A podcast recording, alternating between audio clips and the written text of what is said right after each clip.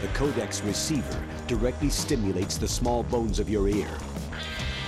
No one but you will be able to hear it. No one but you. Stay a while and listen. Nerdeprat.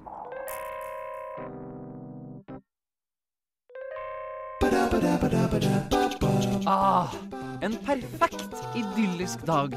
Altså, absolutt ingenting kan virkelig gå galt. Au. Men jo, en del går alltid skeis. Murphys law og alt det der. Jeg mista forleden min sjeldne Majøs Mask, ny 3DS, men fant den igjen. Mens på den mer betydelige sida mista Bård Ræstad, en av våre faste programdeltakere, et arbeidslokale hos Game. De her to faktorene har gitt meg lyst til å ta opp ukens tema, digitalt versus fysisk. Er det best å kjøpe digitale goder fysisk i butikk, eller å kjøpe dem direkte på nett? Hva er fordelene, og hva er ulempene? Og ikke minst, hva er nerdenes erfaringer rundt det her? Men før det skal du få en reportasje fra nedleggelsen av Game i Munkegata, spillnyheter og få vite hva nerdene har spilt i det siste. Men aller først skal du få låta 'Lesson Number 15 for Andy' av Death Crush.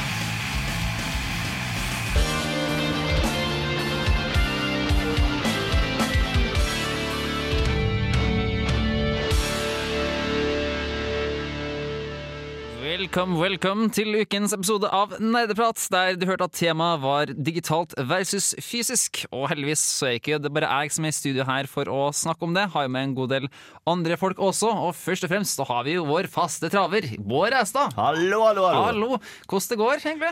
Vel, eh, det viser seg at i timeplanen min så har lørdagene åpna seg betraktelig Ja. fremover. Det Ja. Og det var ikke lommeboka mi så kjempehappy for, men vi får ta og diskutere det litt mer sammen. tror jeg. Har du fått spilt noe?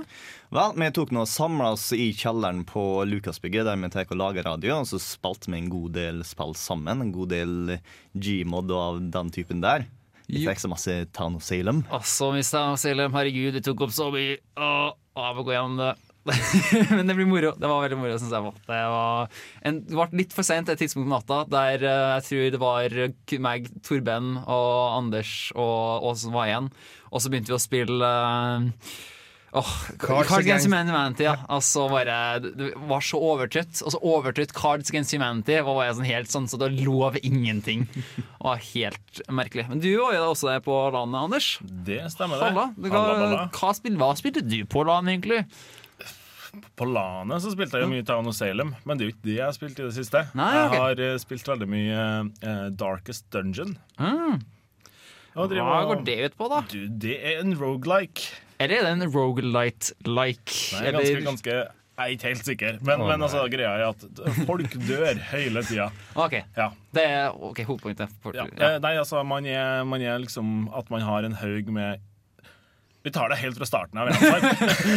Spole tilbake. Uh, OK, der. okay. Vær så god. Ja, Ja, hva har eh, du spilt i uka her, Anders? Jeg har spilt mye Darkest Dungeon i det Å, siste. spennende.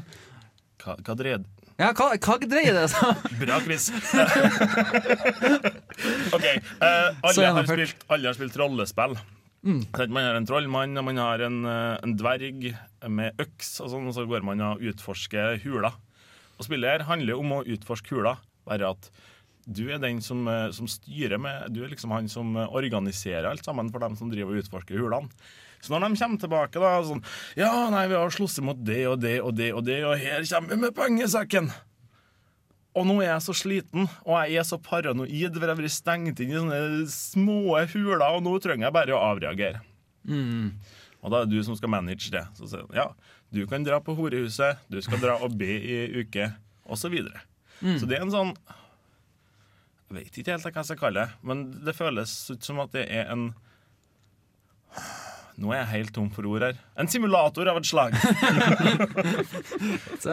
Simulator! Simulator! Middle manager in the middle ages. Ja, For da hadde jo også kalt opp uh, personene etter folk i nerdeprat. Det er helt korrekt. Det er eh, Chris er den tullete fyren med pistol og, og dolk. Som alltid. Anders er den hellige krigeren som står fremst, med mye muskler og Ja. Han døde vel egentlig en av de første som døde. Torben er en sånn tentakkelfyr som bare står i bakgrunnen og, og både helbreder og sender tentakler mot folk. Naturligvis. Mm. Hva, hva var du, Bård? Nå må jeg tenke meg om. Ja, Bård var ikke så flink, da. Bård, no. Bård har mest hengt i taverna og drukket øl, egentlig. Vel, har jeg noen psykiske problem? Eh, ikke enda. Det kan jeg leve med. og mens vår lever med at eh, han ikke har psykiske problemer i Darkest Dungeon, så lurer jeg på hva du, Torben, hva har du spilt i uka her? Har jeg spilt noe? Jo, jeg har ja. spilt uh, Sokoban. Sokoban? Hva er Sokoban? Det er et spill hvor du eh, flytter deg opp og ned og venstre til høyre og skal dytte bokser til og sånn det er på målet. Og Grunnen til at jeg har spilt det, er fordi at eh, vi har hatt en øving i eh, et fag jeg har, objektorientert, hvor vi har skullet uh, arbeide med, med sånt spill. Mm, kult. Så har jeg bare debugga og funnet på feil og uh, lagt inn undo og redo og lagring og åpning, og det er egentlig det jeg har spilt. Sånn annet enn på LAN-et. Gjort det faglig relevant. Ja. Kjempesmart. Det skulle jeg ha gjort også. Eh, Det er faktisk en øving jeg skal begynne på etterpå sjøl. Men noe som jeg kan faktisk eh, si jeg har spilt uka her òg, var jo noe skikkelig random innimellom dere tilfeldige overtrøtte latteren i uh, ranet. Og det var jo dere jævla Hva var det? Board game Board Game Online! Hva faen var det? Liksom, du triller en terning og sånn Å nei, du fikk aids! Og så triller en terning til og sånn Å nei, en gris datt ned fra himmelen og skada. Du må gå tre steg tilbake. Og bare sånn Hæ? Å nei, nå skal du til 9. eksempel. Anders, Med mindre du fanger grisen med Ja. pokerballen din. ja, for du kan fange griser med pokerball, og du kan Det er det Matrix, bullet time skills, og Det er på en måte et brettspill, somehow. Er det basically Calvin Ball med terninger? Jeg vet Ja, ikke. ja, jo, Ja. jo, det er litt, sånn, litt samme der. Eller hvis dere har sett uh, TV-serien New Girl, så er det True American. Det, er bare sånn, det er et spill der reglene kommer underveis. Ja, det var så random at jeg bare til slutt nesten ville gi opp. Men så var jeg for overtrøtt til å gi opp, og så fikk jeg aids, og så døde jeg. Og så gjenoppsto jeg igjen, og så var det sånn kult. Men da var det sånn Å, jeg ligger så langt bak. Jeg hopper opp i den her katapulten Ja. og skyter meg sjøl fremover. Ja, det var sånn Det her, sånn her er det som foregår at du hører sånn Hei, just, hei, du fant akkurat en katapult. Har du lyst til å A. Sett deg på katapulten, eller B. Feste en ting på katapulten? Og så er jeg sånn eh, Sett meg på den, jeg. Er du virkelig sikker på at du har lyst til å avfyre katapulten? Mm, ja! Så setter jeg på bare fyren av, og så sånn Du flyr! Og så ikke du. Neste setning. Du flyr skikkelig langt. Neste. Du begynner å ned bakken. Neste.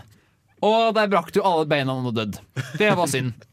Så jeg død i tre runder til. Faen også. Men eh, mens jeg holder på å død i tre runder til, så skal vi gå litt videre i programmet. Du skal snart få nyheter, men før du får nyheter, så, må, så skal Blom si at Men kjære deg, du brenner jo!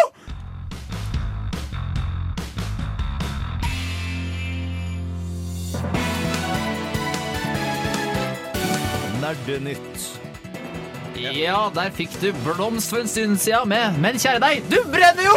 Men nå er det ikke branna vi skal snakke om. Vi skal nemlig snakke om spillnyheter her på Radio Revolt og på Nerdeprat, spillmagasinet til Radio Revolt. Og uka her så er det du, Torben, som har tatt ansvaret for nyhetene.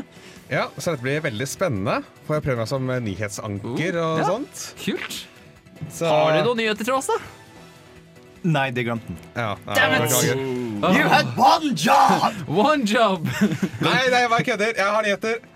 Jeg har, eh, tror jeg har fire. Oh, Så første nyhet. Valves kundeservice står til stryk. oi. I hvert fall Spennende. eh, ifølge et byrå. Byrå for bedre bedrifter, eller på engelsk Better Business Bureau. Mhm. Og De har en sånn rangering på alle bedrifter, hvor de eh, gir Trine terning Nei, det gjør de ikke. Men de, de eh, gir dem i hvert fall en karakter. Mhm. Og der har Steam fått eh, karakteren F. Ok, La meg tippe. i det her fordi at de, ikke, at de kan kicke deg ut når som helst og si at nei, du eier ikke spillene dine lenger hvis du fucker opp noe? Nei, Dette er hovedsakelig basert på klager som har gått gjennom dette byrået. Og som da byrået har tatt med videre til Steam. Og det som da er problematisk, er at de har videreformidla 717 klager. 502 av de klagene står uten svar fra Steam. Eller Valve. Yay, det er jo et Men det, det høres ut som et ganske høyt antall, men så må man også ta i betraktning av hvor stort et selskap Steam egentlig er. Altså dem, hvor, mange, liksom- hvor, mange, eller hvor mange brukere har de egentlig? Ja, Men det, men det her er jo, det er jo 717 saker som er sendt til det eh, BBB, som de så fint heter, det byrået Ja. for Ja. bedre business. Eh, de har jo bare fått sendt 717, og hvorav eh, 500 og noe ikke har blitt besvart. Og det er jo en ganske stor andel av de sakene. ja. Hvis, hvis Valve bare har fått 700 saker tilsendt til seg, ja så, sånn, så, så har de jo vært kjempeflinke eller hatt en veldig usynlig 'jeg trenger hjelp'-knapp. Men, men her er det bare et sånt lite utvalg. Skal, skal jeg fortelle litt mer da, om eh, Fordi dette byrået har da funnet et mønster som de mener at eh, Steam kan eh, fikse. Det handler om spill som ikke funker, får de klage på. Nøkler som ikke funker, det får de klage på. Mm. Folk som er blokkert fra spillbiblioteket sitt, som de var inne på. ja. Og eh, Valve fikser ikke problemene, refunderer eh, så å si ingenting, og, eller de svarer ikke. Mm. Og det er problemene. Men det bør kanskje nevnes at uh, dette byrået ikke er helt sånn uh, Det, det er litt grann shady. Oi. Det er uh, visstnok vært noe skandaler. Det, det, det er mulig å betale seg til en bedre karakter. Skandaler overalt! Men Det kan være Men- noen har men- betalt til å få dårlig skade på Steam. Men altså, sånn for å gå litt tilbake på um, liksom det her med at Steam er veldig svær. Altså igjen, De er jo sånn type nå 7329 3 millioner 329 000 som er kun aktiv, men altså flere som er brukere generelt. Og det kommer til å være masse cases, og dessverre så kommer det mest sannsynlig til å være et par dropouts. Jo, jo, men det betyr ikke at du ikke kan ta ansatte flere kundebehandlere. Det er sant. Altså, Det at du er stor, betyr ikke at du kan være stor på alt. Mm. Det er veldig mange store bedrifter der ute som har helt fantastisk kundebehandling fordi at de innser nettopp det. Når kunden er det viktigste for bedriften din, så fokuserer du på kundebehandling. ja, Val har også kommet med svar. Oi, Det, spennende. dette er fra Kotaku. Og De har da svart at de bruker heller Reddit og Twitter eller e-post heller enn eh, Better Business-byrået. Ja. Og de, eh, Men de anerkjenner at de har problem når det gjelder dette her. Og de skal derfor gå gjennom alt de har av systemer. Prøve å, bygge inn kundeservicen i Steam. For slik det er nå, så må du gå på en annen nettside og ja, bla, bla, bla. Altså, til meg så hadde det vært sånn naturlig at man ikke tar opp sånne klager på Twitter eller Facebook eller Reddit. Altså, Hvorfor er det stedet at Steam bruker ressurser på seg i hele tatt? Altså, De må jo lete gjennom Reddit-tråder masse nå etter klager. Stupid. Sorry, ass, men, eh, ja, men det er jo bra at de sier at de skal fikse noe internt system på det. For det er jo helt meningsløst å bruke sosiale medier til å ta imot klager. De er jo private noen ganger også. Men nå kommer det jo endelig på Steam, så da Ja. kan vi betale 70 kroner så får vi tilgang til kundeservice-appen. det blir fint. Jeg, jeg tror ikke det var det Det de blir. DLC også. Eh, For for at du skal få ring kundeservice eller få t- umiddelbar tilgang, så betaler du 100 kroner mer. Bare tenk på hvor mange hatter du kan putte på problemet ditt. Ja, eller, eh, eller så får du kundeservice på Early Access. Uh. Ja, å nei! Oh. Åh, det kan være sykt Eller bli sykt skummelt. Så la oss ikke gjøre det. Steam eller Valve, vær så snill. ja, Det kan vi gå over til eh, neste nyhet. Yeah. Star Citizen, hvis det er noen som har hørt om det?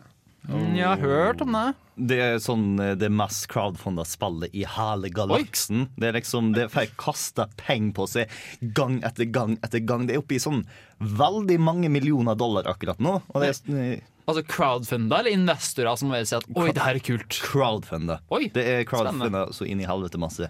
Og det betyr også at det er veldig mye innhold som skal inn i dette spillet her. Og uh, Gamer.no har skrevet at eh, dette spillet kan eh, kreve, kan kreve oppimot 100 gigabyte med lagringsplass. Oi da. Ja, det, liksom, det finnes eh, Jeg vil si at det er et mindretall som faktisk har så mye plass på harddisken sin. Yep. Er det en rød påstand? Nei, jeg tror faktisk ikke det er en rød påstand. Altså. Altså, jeg husker fra helgen hvor jeg måtte eh, ta og eh, få rense litt opp i PC-en min fordi jeg hadde 5 gigabyte ledig på Altså, Jeg mistenker at Star Citizen ikke kommer til å være det spillet med de laveste kravene sånn generelt når det kommer til grafikkort eller rammen. og sånt heller. Så det å ha høyt eh, harddisk-krav, det er ikke mest uoverkommelige for de som har lyst til å spille. Men fremdeles 100 gigabyte høres ut I hvert fall hvis du går et par år tilbake, høres litt ut som Dr. Evil. som bare sånn One billion trillion dollars! What?! Altså, det, jeg har sånn kunder innom jobben min hele tida. Sånn sånn her, Hei, du, det står her at det er ikke noe plass mer på datamaskiner. Tror du datamaskiner har brukt internett og sånn? jeg?» Jeg var sånn, nei. No. No! Det, men det er bare min lille sign-out. Det var veldig morsomt, Chris. Kan Ja. du fortelle mer om Vent, vent. Kom, Røms. Nei, Jeg kan dessverre ikke fortelle mer om jobben min, for at jeg har strengere kontrakt, så jeg kan ikke ta opp uh, spesifikke kundecases. Haha, du er Så- fortsatt ansatt. Åh. Men Torbjørn, har du noen flere nyheter til oss, eller? Ja, jeg har en bitte liten som vi kan nevne før, Ja. den, før de store nyhetene. Og det er eh, bare litt grann sidenote. Hvor mange av dere er det som har PS4? Eh, ikke meg. Mwah.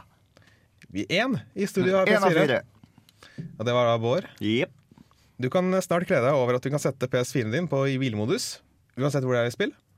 Og så kan du bare trykke på eh, Og så kan du gå i senga, legge deg, eh, være på skolen dagen etter, og så komme hjem etter en lang dag på skolen, og så trykke på kroppen i midten på kontrollen.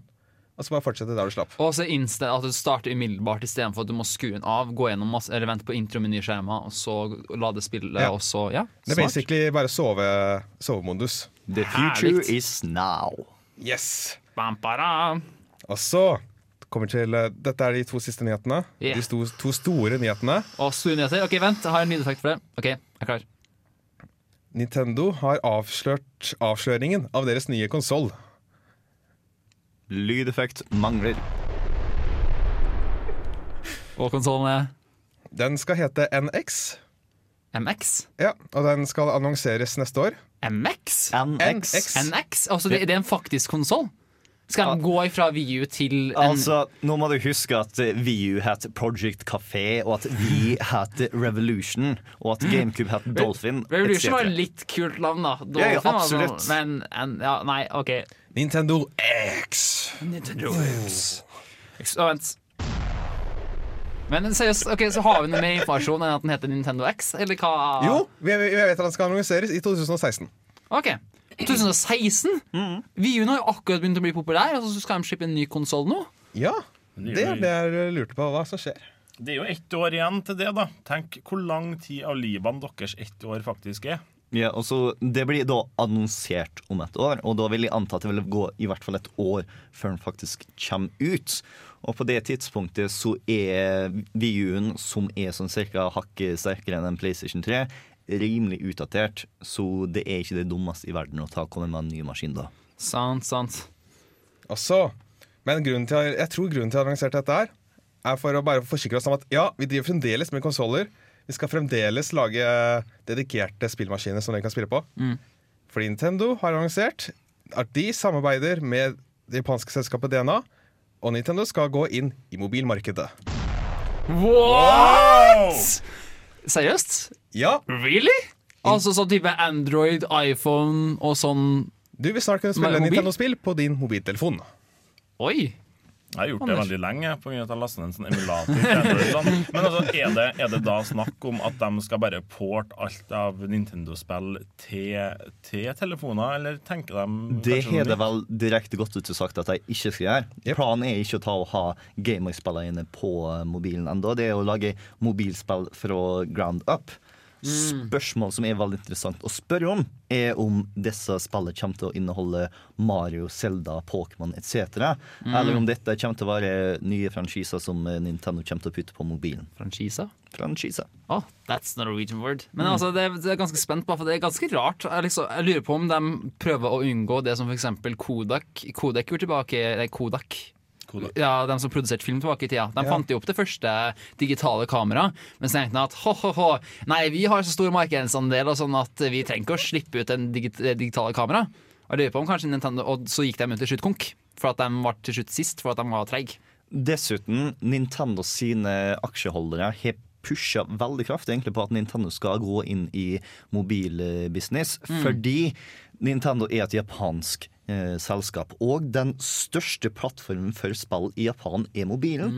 Du ser en del folk som tar og spiller 3DS, og du ser et par stykker som spiller Vitaen, men definitivt de du ser aller mest spille, er de som har mobilen på seg. Og eh, nettopp derfor Nintendo kan risikere at folk ikke vet hvem Mario er om 30 år. Hvis, hvis, eh, hvis folk aldri får spilt en Nintendo-konsoll. Så ved å pushe sine karakterer, sine franchiser, okay, ut vet, på mobiltelefonen jeg vet ikke om det at Mario kommer til å bli glemt, er den største frykten men- der. Eller faktisk, det, det, altså, jeg, merker litt den hjemme nå, altså, allerede. Altså Med mine to småbrødre på sånn forholdsvis fem og sju år som har hver sin iPad, eller krangler om å få den rette iPaden. 'Mammas iPad! Pappas iPad!' Og så fordi de har gamestays på forskjellige solution de er. Uh, og så, de spiller jo nesten kun hele tida. De har jo en Nintendo Wii de har en Wii U, men de spiller nesten aldri på den. Er alltid iPaden. For den er alltid der. ikke sant? Den blir alltid brukt. Eh, Sånn at jeg tror faktisk eh, det er litt sant. Altså, at det høres rart ut nå, men hvis man ikke liksom, er tilgjengelig på der, der folk er, så kan det kanskje skje unforeseen consequences. Super Mario 64 kommer til vår, vår generasjons Vietnam. Det, er sånn, Oi. det kan jo glemmes, sant? Eller, eller, eller, eller 9-11. Back in Never that time in. Nintendo 64, I was playing the Super Mario 64 game, and I just went through the painting. Yeah, yeah. Nei, jeg håper ikke Jeg håper ikke vi begynner å snakke sånn på kafeer altså, når vi begynner å bli gamle. Eh, Da Amerikanske malerier og sånn. Nei, nei, men altså, det, det, er jo, det, er jo, det kan jo skje, tenker jeg, at, man, eh, at man glemmer det. Det er jo Prøve å komme opp med et veldig aktuelt eksempel her nå. For eksempel eh, Nei, Friends er jo like populært i dag som det var for, for 100 år siden. Jeg tror ikke du kan ta en kom amerikansk komiserie i det hele tatt, for de er alltid sånn populære. Men uh, vi er ikke de eneste som har syntes om dette her. Fordi uh, vi etterspurte litt kommentarer fra dere lyttere Ja, på Facebook. Og der har vi fått inn veldig mye respons. I hvert fall eh, til oss å være. Mer enn null! Eller én. Yes. Så kan jo gå gjennom et par av disse her, da. Vi har eh, Ok, jeg liker denne her. Den er ganske kort og konsis. Arild, han, skri han skriver uff. Punktum, punktum, punktum. Jeg skjønner på en måte at Arild sier uff.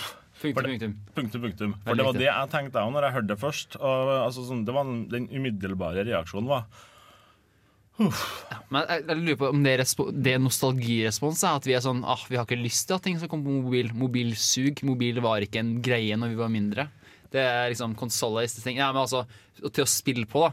At eh, det var konsoller som var greia. At det er der man skal spille spill. da altså, jeg regner med at eh, dette er en bekymring for at Nintendo-spill på mobilen nå skal bli som alle andre mobilspill. Ja. At vi kommer til å se Mario med microtransactions og alt mulig rart. Åh, Du har lyst til å spille som Luigi? Vel, da må du betale en fin liten sum. Men altså, det er Nintendo vi snakker om. Nintendo hermer ikke etter andre. De kjem, hvis de følger etter, så kommer de og gjør sin egen ting. Og jeg vil forvente at Nintendo kommer til å gjøre ganske mange interessante ting på mobilplattformen, egentlig. Ja, Et forslag kommer her fra Synne. Hun skriver at så lenge de, Hei, lager, så lenge de lager apps av mine gamle Gameboy-spill, er jeg fornøyd. Ja, altså Det er faktisk en ting som jeg savner. For Problemet med den gamle Gameboy-spillene er at mange av dem bruker jo en lagringsteknikk ved hjelp av et klokkebatteri. Problemet er at det klokkebatteriet dør på et tidspunkt. Det har de gjort til meg, og det er veldig kjipt. For at jeg har brukt liksom veldig veldig, veldig, veldig lang tid på å samle alle Pokémonene, f.eks. i Pokémon Hero. Og så bare sånn Nei, there's no save fordi klokkebatteri. Nei, eller det var kanskje Gold, tror jeg. Men det er, artig at du, det er artig at du bringer opp eh, Pokémon som et eksempel her. For det, det slår meg som en sånn type spill som faktisk fungerer fort rett over på telefonen. Ja. Men hvis man skulle ha spilt um, et spill der man faktisk må trykke på mange knapper samtidig, og sånn, Ja. og ingenting er turbasert, alt sammen bare går i real time, og du må hoppe veldig fort og sånn. Det fungerer ikke så veldig bra- bra på, på mobilskjerm. Super Mario 64, når de fikk en port til DS, så hadde de jo en sånn versjon der du kun styrer alt via touch. Da hadde du sånn to sånne knotter på tomlene dine, slik det var lett å trykke på ting. Men det var skikkelig knotete. Det var kjempevanskelig å bevege seg rundt. Det var ikke gøy i det hele tatt. Det var sånn 'Å, kult, jeg beveger meg touch', åh. Men etter en time så var det sånn 'Faen, det går ikke an å si en dritt med', liksom. Så jeg tror nok det er den største utfordringen til Nintendo, er hvor lite knapper sånn man har. Med mindre de på en eller annen måte klarer å bruke volumknappen på en kreativ måte. Men jo, man kan jo håpe da Man kan jo håpe at de tar med seg den responsen du At det var flere som følte det på samme måte som du gjorde. At ja, å, å bruke touchskjermen til til å bevege seg på mange forskjellige dimensjoner og alt sånt, det, det funker ikke så bra. En en serie som kan, han, kanskje funka kjempefint, det er vært Phoenix Wright. Oh, ja, Phoenix Wright. Altså, Phoenix Wright finnes allerede på mobil. Ja. What?! Yep. Det er jo Capcom.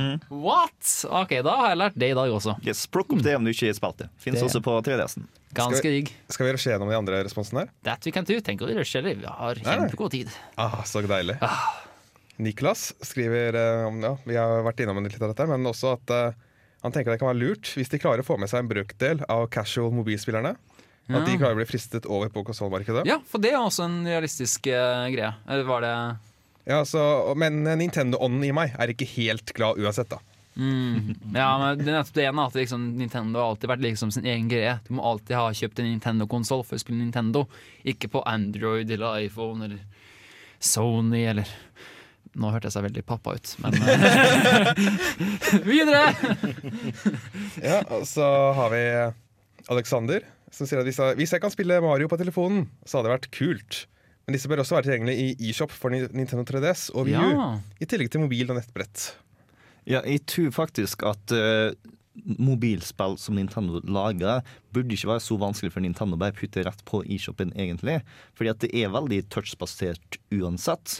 Ja, Så- men du har veldig annerledes programmeringsmetoder. De Mm. har jo sin egen greie for uh, Altså, de bruker jo kjempelang tid på å gå ifra f.eks. Uh, Gameboy til uh, 3DS, for eksempel. For det tar lang tid å oversette, rett og slett. Og få ja. en ny struktur. Men nå tar du ikke å oversette, nå tar du å skape fra bunnen av.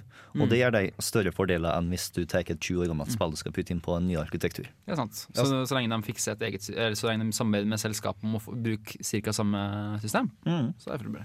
Ja, Nintendo prøver å lage en sånn felles plattform. Ja. Sånn at de mellom håndholdt og konsoll til neste generasjon, har de sagt tidligere i intervjuer. I hvert fall. Mm. Sånn at det, det blir mye enklere å skulle porte mellom, mellom dem. Og da vil jeg potensielt tenke meg at de har også tatt det med i betraktningen når det gjelder mobilsamarbeidet her. Kjempesmart.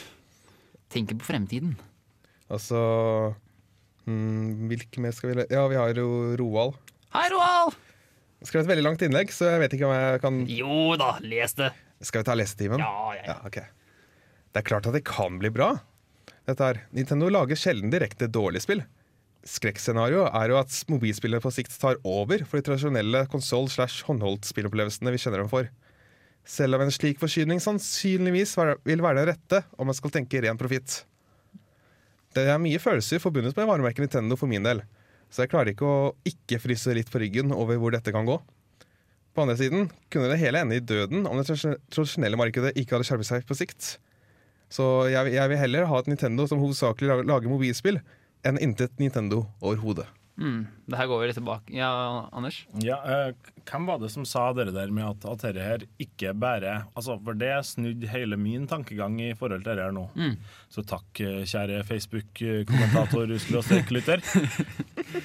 Nei, uh, det, jeg, jeg tenkte sånn at uff, uh, nå kommer folk til å bare spille på mobilene i stedet. Men, men hvis man snur på det, at det kan brukes til å rekruttere nye folk til å spille Nintendo på konsoll, at, at mobil-Nintendo ja. Eh, kan, kan på en måte bli en sånn gateway drug til, til videre spilling med Nintendo. Interessant metafor.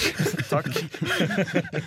Men altså, du skjønner hva jeg mener. Jeg Ja. håper alle sammen skjønner hva jeg mener når jeg sier at det kan brukes til å rekruttere nye brukere.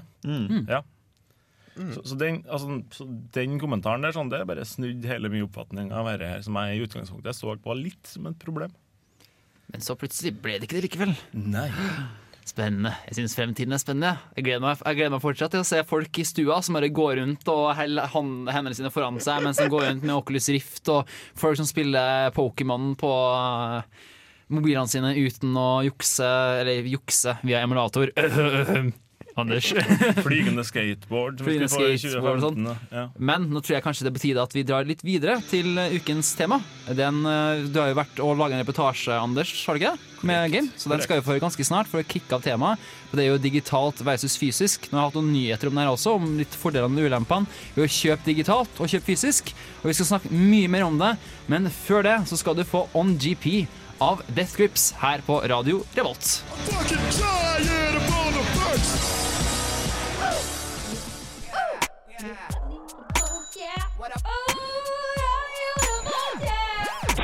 er Torstein og jeg hører kun på Radio Revolt. God stil! Det har seg jo sånn at uh, butikken Game i Munkegata skal stenge nå. I den forbindelse så har jeg vært og snakka med Thomas Davies, butikksjef på Game Trondheim. Ja, 1. april må jo være ute av lokalet. Da skal jeg begynne å rive vegger og sånne ting. Og da er det ikke så greit å være her lenger. Men dere skal stenge, og hva, hva er grunnen til det? Det er hovedsakelig det at vi ble kasta ut av lokalet vi er i, og ikke kunne finne, eller få en avtale da, med en ny plass med en bra nok leiepris og en bra ordning.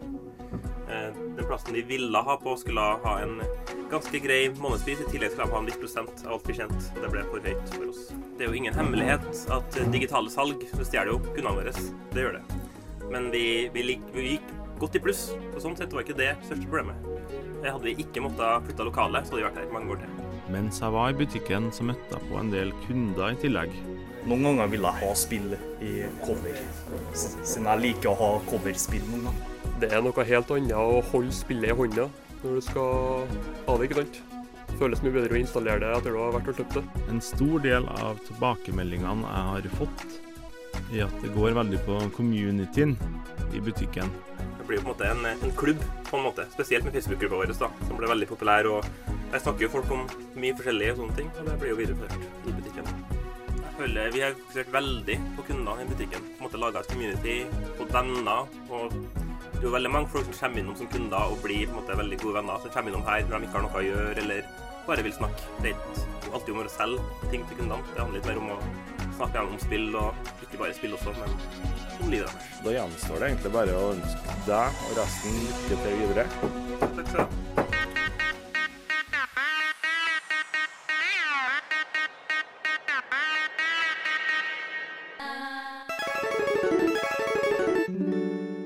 Du fikk MIA med Can See, Can Do. Og før det så fikk du en reportasje av Anders, som hadde vært bortom Game tidligere i dag, og har hørt litt på stemninga der. Og den er jo ikke akkurat eh, særlig positiv. Eh, Og du, Bård, merker det kanskje best, ettersom du jobber der? Ja, yeah. jeg tror det er kanskje et greit tidspunkt å ta og diskutere situasjonen litt, fordi at siden oktober 2008 så har jeg jobba for Game. Ikke konstant. Ja. Eh, Det var en liten periode hvor jeg eh, var i Trondheim uten å jobbe, men eh, for det aller meste så har jeg tatt og jobba for Game, og jeg har prøvd å holde nerdeprat, eller kontroll-elite-hatten og game-hatten ganske separat. Hver gang vi har tatt og dekket spillbutikker, så har jeg passa på at vi er jevngode og ikke ta og gi game noen fordeler. Og hver gang jeg er på game, så prøver jeg ikke ta og bruke de fordelene av å være bak disken eller kunne kontrollere Facebook-gruppa til å pushe nerdeprat der.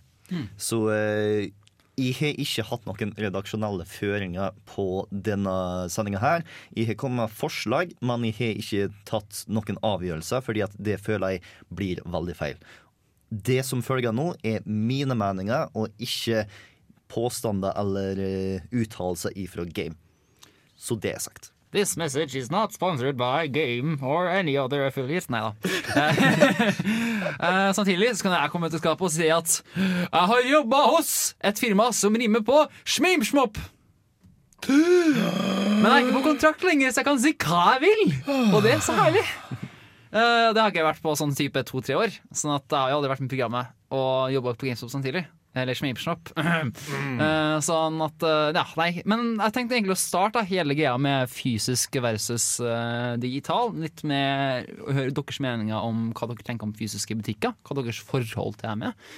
Du, Bård, har jobba i fysisk butikk lenge. Ja Men hva, altså, som gamer, hva er fysisk butikk for deg? Er det Explain. For meg så er det veldig masse community. Det er fordi Mm. at jeg har tatt og stått på den andre sida av disken og vært sånn nesten hele dagen. Og jeg har hatt massevis av folk som kommer inn og ut. Mm. Og det er ikke sjeldent at det er folk som tar og kommer inn og så stemmer der i én time Mm. uten å ha noen planer om å ta og kjøpe noe med det aller første. Man bare var her og diskutere, snakke om det nyeste spillet. Noen kommer inn og spør om hjelp, så er de mer enn villige til å ta og komme med forslag, de òg. Mm. Og det er liksom denne gleden for spill. Det føles litt som å ta være en bartender på en bar uten eh, skjenkeløyve, hvor folk går hjem og tar og har det artig med, med spill. Du, Anders, hva er ditt forhold til fysiske butikker? Jo, jeg tenkte jeg skulle trekke en sånn parallell til den reklamen som filmbransjen kom med for eh, ti år siden. Er sånn, Du ville ikke ha stjålet denne veska her, og du ville ikke ha stjålet denne bilen her. sånn. Ja, den, ja. Ja, det- You men- wouldn't steal a car. Ja, Men hvis jeg kunne lasta ned bilen, så ville jeg lasta ned bilen og tatt den. sant? Og det er litt samme greia med, med, med mitt forhold til dataspill. at uh, altså Hvis jeg trenger klær, så drar jeg på en klesbutikk. Hvis jeg trenger spill, så kjøper jeg det på den store verdensveven som står framme meg. Verdensveven? Verdensveven. Ja, Hvorfor det? Syns du det er rart å gå i butikk, eller hva, hva er det som får deg til å kjøpe det digitalt? Nei, Nå har jeg enda en popkulturell referanse til Oi, deg. Oi, oi. Jeg sier som en Freddie Mercury sier I want it all, and I want it now. Eh, Ah. Så, så bare gå, eh, gå på internett, altså ikke fysisk gå, men man bare klikke seg inn på, på Steam, og så trykker man kjøp, og så trykker man betal, og så satser man på at man har penger på visakortet, eller bruker mamma sitt visakort, eller pappa sitt ja, Det er uendelig med muligheter. Og så bare Så er dataspillet ned på disken din for evig og alltid. Forever. Torben, hvordan er du? Nei, jeg, Når det kommer til uh, Hvordan er du? Hva slags Han sa hjørnet med tentakler og healer folk. Hva er, Riktig, hva er ditt forhold til fysisk butikk, Torben? For meg så er det fint jeg, jeg liker Jeg liker meg i eh, fysiske butikker, men jeg drar ikke dit særlig ofte. Mm. Det er sånn Hvis vi er i, på utlandet eller liksom er på kjøpesenter, så ja, vi, vi kan jo stikke innom uh, spillbutikken. Det er, det er jo det mest interessante stedet på kjøpesenteret. Mm. Men uh, jeg kjøper en god del digitalt nå om dagen. Ja. Men uh, fremdeles så Jeg har f.eks. ikke en uh, ekstern harddisk til uh, VU-maskinen min, så der må jeg fremdeles eh, kjøpe en del Ja, eh, retail. En stor del av sjarmen med å kjøpe PC-spill har jo gått bort nå. Eh, for at Oi. man får ikke de store boksene lenger. Man får jo bare en sånn DVD-cover med en disk Ja. Skal jo komme litt tilbake på pros and cons på det senere også. eh, for at det er veldig mange for og imot både fysisk og digitalt kjøp. Uh, Sjøl så har jeg jo jobba også, som sagt, i uh, en butikk som gir på Gameshop. Uh, der eh, Altså, jeg liker veldig å jobbe med ting som handler om spill, eh, men problemet mitt med kjeden som rimer på Gameshop, er at de er ganske crap å jobbe hos. Eh, det var ikke, ikke trivelig. Altså, trivelig å få jobbe folk, men måten selskapet behandler ansatte på, måten man egentlig basically ripper off folk for penger eh, i butikken og sånn. Og ja, nei, businessmodellen deres er ganske skitten, vil jeg si. Og så dro du til Trondheim og starta jobb for studentmediene i Ja, stedet. sant? er det litt sånn Det er jo akkurat det samme her. Vi har det så fælt nå. Ja. Så, Ja, beha- Klager du nå på at jeg behandler deg så dårlig hele tida, Anders? Muligens. nei da, nei da. Vi har det så bra her. Sier han med Snur seg bort fra mikrofonen. Nei, men altså Den eneste gangen liksom, jeg har følt at det har vært verdt å kjøpe noe fysisk, er på grunn av at det er Nå går jeg litt på pros igjen, men, eh, så jeg skal snart kjøre til låt. Men en, en av de største grunnene er at de har noen eksklusiver. Altså Noen ganger kan du få tak i ting i fysisk butikk, men som du ikke kan få tak i ellers. Eh, men eh, altså sånn type Collectors Edition som eksempel kun Shmameshmop uh, har fått rettighetene til.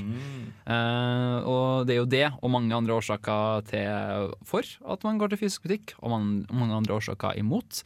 Men før jeg nå hopper over til neste tema, så tror jeg vi skal faktisk kjøre over til en spellåt. Og den har vel du valgt, eh, Bård? Ja, dette er Torben foreslo at vi skulle ta og spille Shop Theme ifra eh, The Legend of Zelda. Og eh, jeg har vært på jobb mer eller mindre en halv dag med den gående i bakgrunnen, så jeg har lyst på litt variasjon, så jeg får inn på OC Remix og bare sjekke hva de har.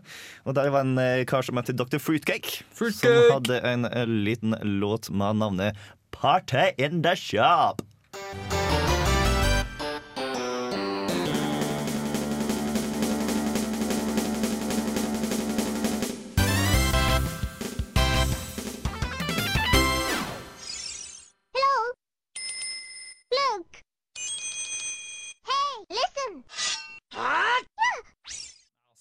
Også hadde gått litt sånn Hæ? Hvis jeg hadde hørt Dr. Fruitcake Mix hele dagen. Men veldig kult å høre én gang. Men hadde jeg hørt den for loop hele dagen, så tror jeg hadde gått litt småstrøm. Men ja, du fikk Dr. Fruitcake og en mix, remix av The Shop Theme fra Party in the Shop. Party in the Shop, eh, som, er hentet, som er en remix av Shop Theme fra Ocarina of Time og et par andre steder. spørsmålstegn.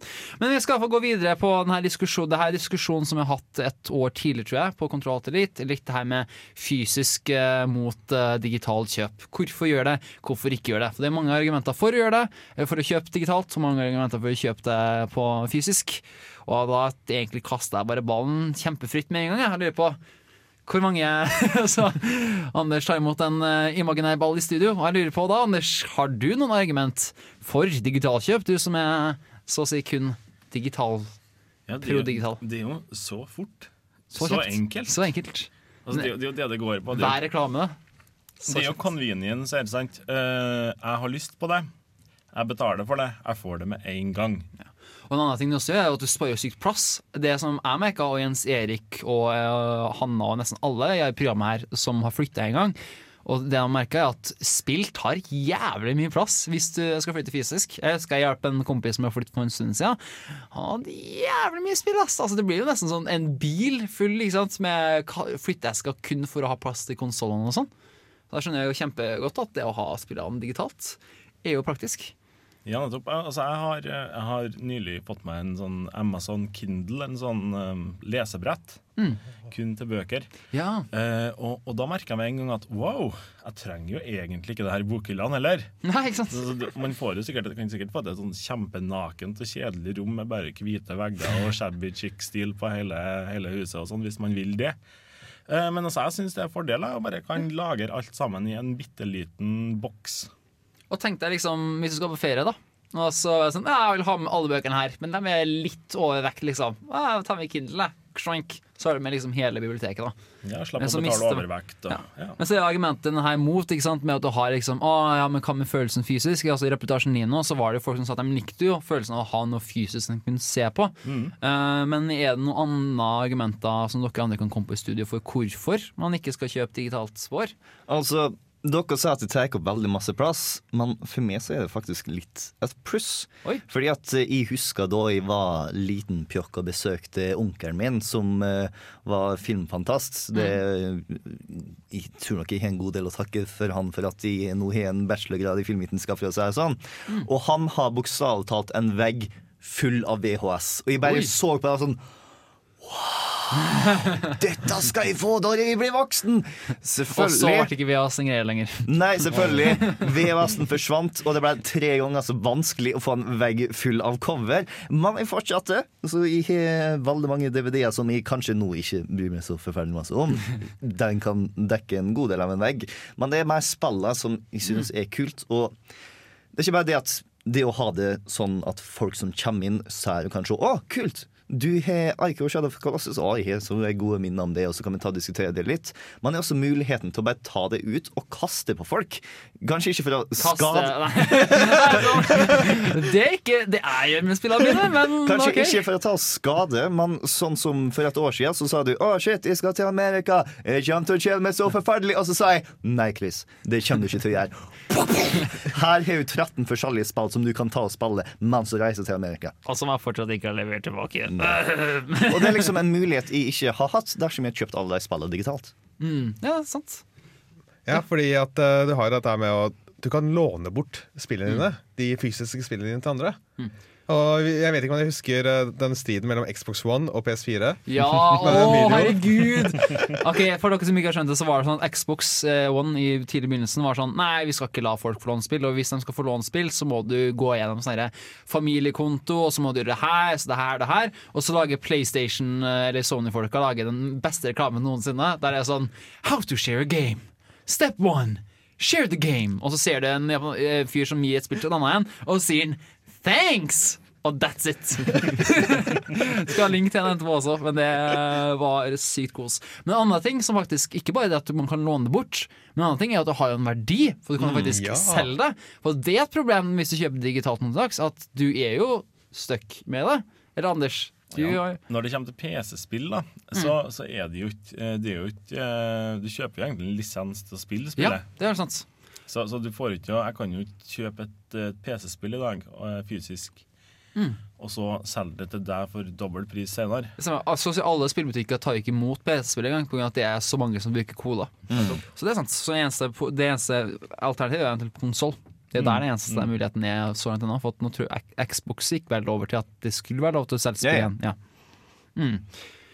Uh, men en annen ting også, som ikke bare har vært sånn negativt bare digitalt eh, Altså, Man har jo f.eks. Steam-konto. Man har uh, For gud, hvis noen har det, Origin-konto.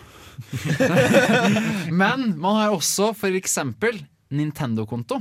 Der er det litt verre. For at hvis du raster ned spill, f.eks. på Nintendo 3DS Og som jeg nevnte i introen min tidligere, jeg mista den nye, nye 3DS-en min her om dagen. Jeg fant den en stund senere, for jeg hadde bare mista den på jobb. Eh, men lå bak sånn en haug med PC-esker, for at jeg hadde fått masse nye PC-er på jobb. Det var sånn, åh, Herregud, ikke rart ingen fant den liksom, når den ligger bak der. Men problemet er at du fører alltid over Fra den gamle DS-en til den nye, så fører over alt. Du fører over rettighetene til at du har det spillet. Du fører over at du har din konto knytta til den spesifikke Nintendo 3DS-en. Alt, da. Problemet er at hvis du mister denne 3DS-en, så har du mista alt. Du får ikke liksom, spillene dine. Nei, sorry, Mac, men du har ikke noe kjøpsbevis liksom, på spillene. Du øh, er fuck, rett og slett fucka. Det her har skjedd flere ganger før, og Nintendo har fått klage inn for det. Men de gjør det, sier det samme hver gang, at sorry, men vi har ikke noe kjøpsbevis, så da det er ikke så mye vi kan gjøre, liksom. Og det er litt rart, egentlig, syns jeg, i, fall i Ja. dagens samfunn. Det er, det, er det, det er problematisk at eh, dine kjøp er knytta til konsollen, Mm. og ikke til eh, brukeren din. Som eh, Men eh, det er jo det er egentlig bare Nintendo som er sære, da. Så det, det er liksom sånn Ja. special case. Det det er nesten å være enig med, men problemet er at den største distributøren av alle, Steam, er også et stort problem. For hvis du eksempel mm. bruker hvis du, ja, hva heter teknikken hvis du skal få IP-en din til å se ut som du bor i USA? VPN? Ja, VPN. Hvis du bruker VPN for eksempel, på Steam, så kan du faktisk få et problem. For da kan Steam, det som Steam kommer til å se dem på, jeg skjønner veldig godt at de gjør det, men det de ser det på det som, er at du forsøker å få spille til en billigere pris i et annet land. Og det er et svindel og et brudd på reglene deres, Mm. for at det har veldig mye med lov rettigheter og sånn. Det må de gjøre. Problemet er at uten å spørre, så stenger jeg ned kontoen din. Du får ikke tilgang til noen av spillene du har kjøpt fra før, helt vanlig heller. Så selv om du kanskje vil ha et VPN for å for eksempel se på Netflix og få se det de har i USA, så er det sånn, ja, tøff avtale, liksom. Du får ikke spill, spilt spillene dine. Og når du nevnte saken tidligere i dag med at du ikke får tilgang til eh, Eller at du ikke, kanskje ikke engang får tak i kundeservicen. Det er jo bekymringsverdig òg, ikke sant? Digitalt så må du forholde deg til noe. Mens i en, for i en fysisk butikk, da, for eksempel Schmimschmopp, så kan du jo istedenfor kjeft på en ansatt der, eller bare levere inn en klage, ikke sant, og få ha noen å forholde deg til. Og det er veldig mange på arbeidsplassen jeg jobber på nå også. Der er det sånn at folk eh, kan e egentlig gjøre det sjøl, sånn, men de liker å ha folk å forholde seg til. da. Det er derfor de liker da, istedenfor at det er digitalt og får noen til å hjelpe dem over hjelpetelefon, så kjenner de innom fordi de vil ha noen fysisk, ikke bare ute i eteren. Og så var det en ting jeg kom på nå akkurat nå. Mm -hmm. Ikke i forhold til noe av det dere sa, eller noe, men bare pga. mitt glimrende intellekt. Det, og det er Collectors Editions. Ja! Det var noe jeg skulle komme på i sted òg. Der har det skjedd mye. Altså nå Hvis du kjøper en Collectors Edition på, på Steam, så ja, du får med en ekstra minipette og en hatt i TF2. Sant? Det, er jo- det er jo det du får. Men, men jeg husker på uh, her er kanskje sist gang jeg var i en spillbutikk og kjøpte et fysisk spill. Det var under release av Age of Conan. Wow! Ok, nå skal jeg okay, Bare snakk, så skal jeg google lenge det. Jeg tror det var 2004 eller noe sånt. Men uansett, da. eh, Så kjørte jeg nå til butikken og sto nå ikke sånn midnatt release og bare sto nå i køa sammen med haugevis av andre folk som var på samme agenda. Og så kjøpte jeg en sånn stor boks, og den boksen var så svær, den. Så tok jeg og lånte meg ei trillebår og tok med meg boksen ut i bilen igjen. Nei da, den var ikke så stor, men den var ganske enorm. Og der var det jo et sånt Det var et eh, ja, det var en musematte skråstrek kart laga av uh, Sky, som er sånn, uh, ligner litt på skinn. Hmm. Og på det så var det trykt hele kartet over, over uh, universet. Det var med ei stor bok med liksom The Art of Age of Conan og sånn. Mm. Så tror jeg kanskje det var med en fysisk CD med, med spillmusikken på. Og det får du ikke kjøpt på Steam i dag. Nei, sant. Men altså, en ting som de, det som fysiske butikker fortsetter i dag, er at de selger Collectors Edition. Mm. Det var jo før en del av magien ved det, at det var det stedet der du fikk tak i litt sånn eksklusive fysiske ting. Da. Problemet nå er at alle sammen har collect, eller alle sammen i gåseøyne, men så å si nesten alle, har Collectors Edition av alle spillene de slipper ut. Altså Collectors Edition har jo på en måte mista skjermen sin. Det er jo ikke altså, det er sånn, ah, den det, Det spillet der får Collectors Edition. Å ja, selvfølgelig. Hvor mye ligger det på? Nei, ok, nei. Uh, det, liksom, det, er, det er ikke noe man liksom vil få tak i lenger, for at alle sammen får det nesten. For det er ikke noe særlig collectors. Uh, Er, er det noen som husker Watchdogs? Og Ja. det der regnearket med hvordan du kan prøve å få tak i all den eksklusive DLC-en? Nei. Da er det sånn alle Altså, Mulig. Ubisoft er veldig flink til å ha sånn 18 forskjellige Collectors Edition, hvor Ja. du ikke kan ta og få alt du har lyst på uten å kjøpe sånn to-tre forskjellige av deg. Ja. Uh, jeg husker om igjen at uh, Jeg vet ikke noe Ubisoft, men jeg husker når Tom Clan et Tom Clancy-spill som kom ut. Ja. Ja, så kunne du med, Hvis du kjøpte en Ultra Duper Duper Edition, så fikk du med et fjernstyrt fly. En drone. Ja. Og så har de jo hatt uh, sære cases som uh, Saints Row, som at det er Ultra Mega Epic Edition. Der hvis du betaler sånn 1 million dollar, så får du en sånn flyreise og Plastisk kirurgi. Uh, plastisk kirurgi og eh, Lamborghini og masse rart, da. Men de som faktisk er flinke på den faktisk limited-delen av limited edition, er Nintendo. Ja. Fordi at de er De er på en måte drittsekker på den måten at de sier OK, vi tar og sender ut sånn 50 av denne her til hele landet. Hvis ikke hun er tough shit! Ja, Det er derfor jeg frika ut når jeg mista den nye Marios Mask eh, 3DS-en min. For Den var jo kjempesjelden. Liksom. Det var Mm. sånn Faen, jeg liksom mista en av dem, og mormor som prøver liksom for å hinte liksom at du kan kjøpe meg en ny. Og jeg sier alltid nei når du prøver å tilby sånt, men jeg sa sånn Nei, det går ikke! Den er limited edition! altså, jeg altså Altså, det er veldig interessant hvor flinke de er på det også. For de, altså, Noen ganger så er det ikke engang limited editions det er snakk om. Det er snakk om for eksempel ting som Amiibos, der er figurene til Nintendo. De er jo Ja. trykt opp i så begrensa opplag. De kaller det ikke Collectors Edition, men de er så begrensa at noen av dem koster jo faktisk sånn oppi tusenlappen, når de før egentlig kosta sånn 100-200 kroner. Mm. Altså, øh. Um, ja, det er egentlig det som er største bekymring. Noen andre pros and cons dere har, kanskje? En, eh, en pro for eh, det fysiske som er veldig lett å glemme, i hvert fall nå som manualene har blitt eh, mindre, er lukta av nytt spill. Oi.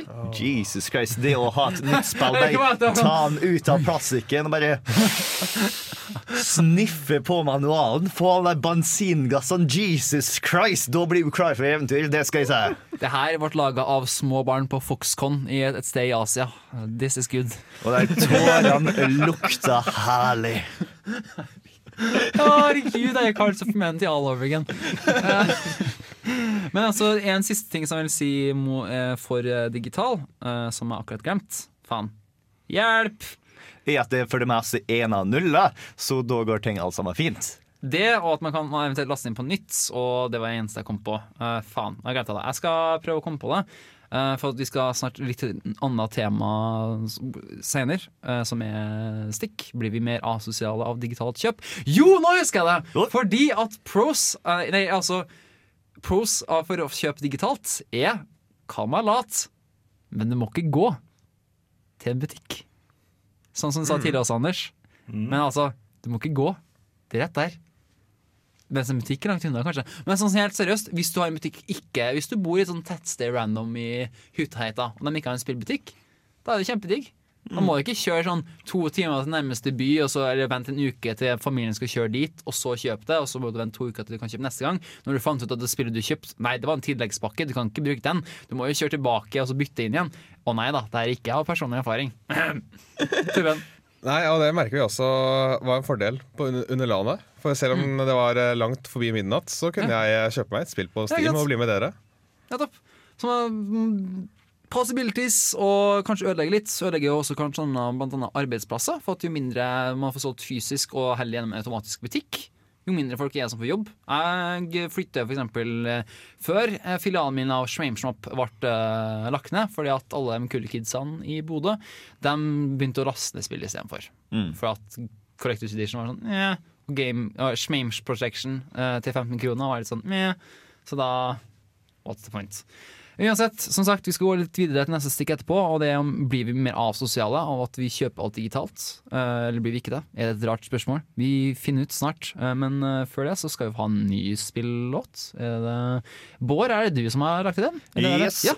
Denne er her ble faktisk ni tipsa om for en stund tilbake av Roald, som var han som skrev det litt lengre Facebook-innlegget vårt. Eh, dette er en av de få chiptunes-låtene som det går an å danse til, var det han pitcha den som.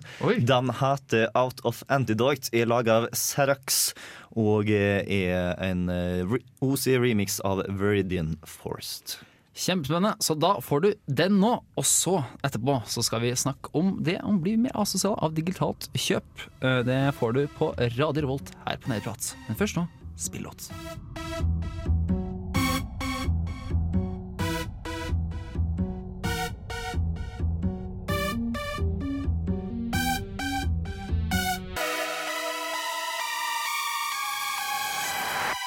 Mitt navn er Bare Egil. Du hører på radio Revolt på internettmaskinen din. Det gjør du. Og før det så fikk du en remix av Serax av Pokémon eh, Red Tunes, som til slutt ble kalt så mye som Out of Antidote i Peruvian Forest. For det er faktisk veldig skummelt, for der er det masse fiender som kan eh, forgifte deg. Og hvis du ikke har antidote, well, that's too bad. That's the joke, everybody! Vi høres litt sånn, litt sånn andpusten ut alle sammen nå. Det er for at vi har dansa hele pausen, så Ja. takk for det, Roald.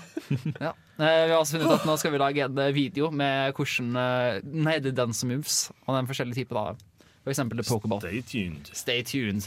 Men eh, nå skal vi ta for oss et nytt tema, og det er om eh, blir vi mer asosiale av digitalt kjøp? Altså, Grunnen til at jeg tenker det her, er for at for det første, først og fremst så går vi ikke ut av huset. Enda mer. Eh, men altså, for eksempel Game for eksempel, har jo sitt community. ikke sant? De har community Mm. rundt butikken. Eh, og du forholder deg faktisk til folk istedenfor at du forholder deg til et program som sier 'nei, du har ikke så mye penger', eller 'jo, du har så mye penger, vær så god, du får kjøpe det'. Um, og sånn generelt observasjon også. For eksempel NTNU begynner jo å ta opp masse forelesninger digitalt, så du kan se på etterpå.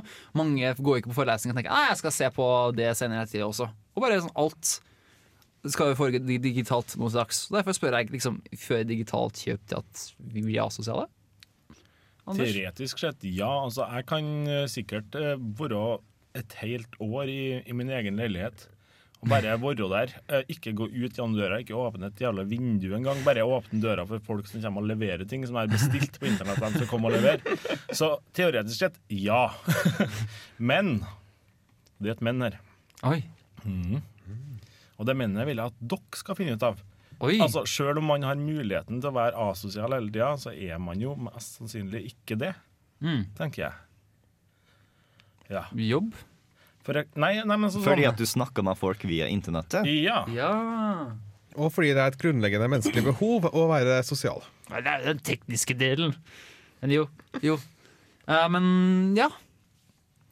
Var, har vi svart på spørsmålet så fort? Nei, Vi er- altså, altså, jeg har lyst til å ta og fortelle at når jeg tar og jobber på game Altså, Jeg er ganske glad i å ta og alfabetisere brukt PlayStation 2-spillene våre, men det er ikke favorittdelen min av å jobbe der. Mm. Favorittdelen min er når noen kommer inn og er ikke helt sikker på hva de har lyst på. Ja. Det er sånn, Jeg liker dette spillet, og jeg liker dette spillet. Har jo noe som det. Den beste delen av arbeidsdagen din. Hvor jeg kan bare ta og finne ut hva slags person dette er, hva slags spill personen allerede har spilt i fra før, og så finne tak i de spillene som jeg har hatt veldig masse glede av. Og bare sånn Å, shit. Du liker puzzles og historie, så hvorfor tar vi ikke litt LA Noir? Jeg tror du vil like det. Eller finne tak i en hæl haug med spill som folk ellers ikke ville tatt og prøvd. Med mindre det har den menneskelige komponenten som forstår situasjonen deres og hjelper deg. Ja, ikke sant? Og altså, Er det én ting eh, jeg har fått fra IKT, kultur og samfunn, annet enn 7,5 studiepoeng, så er det at mennesker sånn intuitivt er ganske teknofobisk. Altså Med en gang noe går skjevt eh, teknologimessig, så vil de bli veldig mye mer skeptiske til det enn at hvis et menneske gjør feil. Så jeg velger å dra den parallellen sammen til at uh, mennesker for så vidt generelt, naturlig nok, foretrekker jo the human factor Mm. i alt, egentlig. Så jeg tenker jo kanskje det også. Men, men dette er jo kanskje noe som driver og endrer seg. da, sant? Ja. Eh, Jeg har jo uh, reist med tog en del opp gjennom hele mitt liv. Eh, og, og ofte så sant? Nå, er det jo, nå er jo det snille, fine damene kledd i rødt som står bak disken. Det er jo menn som jobber der. Uh, så tar imot pengene dine og gir deg en billett tilbake. De er nesten borte. Det Ja. er bare touchskjermer igjen. Ja, det er sant, det. Mhm. Altså, det er jo bompenger er borte.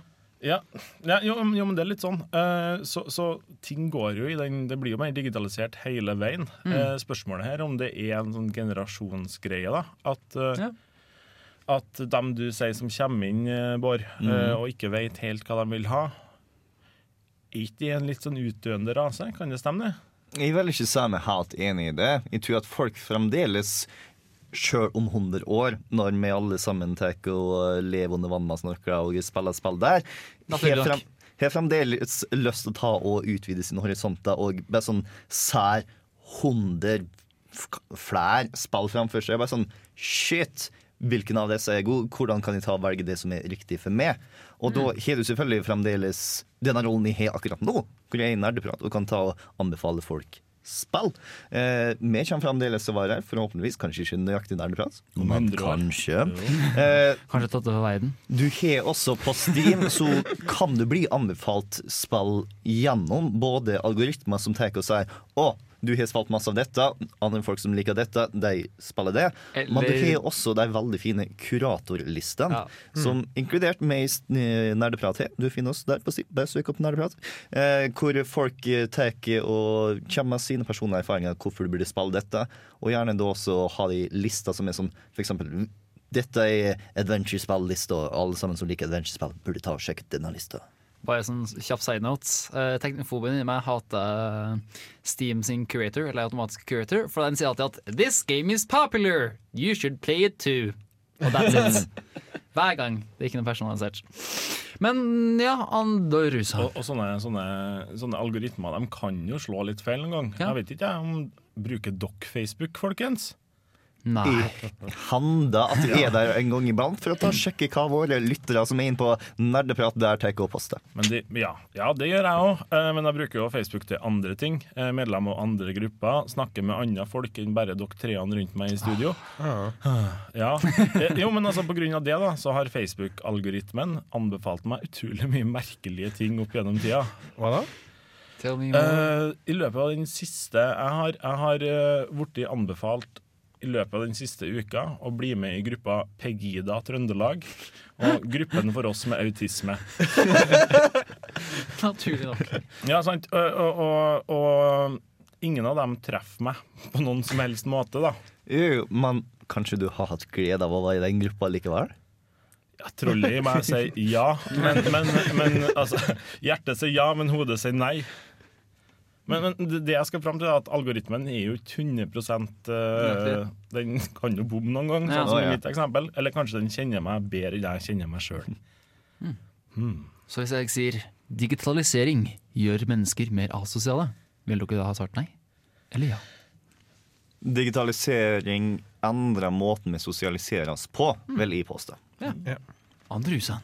Jo, eh, altså så lenge altså det, vi, vi må tenke hva, Når vi tenker sosialisering, hva er egentlig sosialisering, da? Nei, nå- nå- Dype filosofiske Nei, nei, spørsmål. nei, nei. Nå, nå ble jeg veldig, sånn, eh, veldig filosofisk her. Men, men eh, greia er at eh, før, når vi spilte dataspill, så var det jo mye singleplayer-spill vi spilte. Mm. Da satt vi nå i hvert vårt gutterom da, og satt og spilte Warcraft 1 eller hva det måtte være. Men nå er det jo mye som skjer online. Man snakker jo med folk på forskjellige voice-chatter.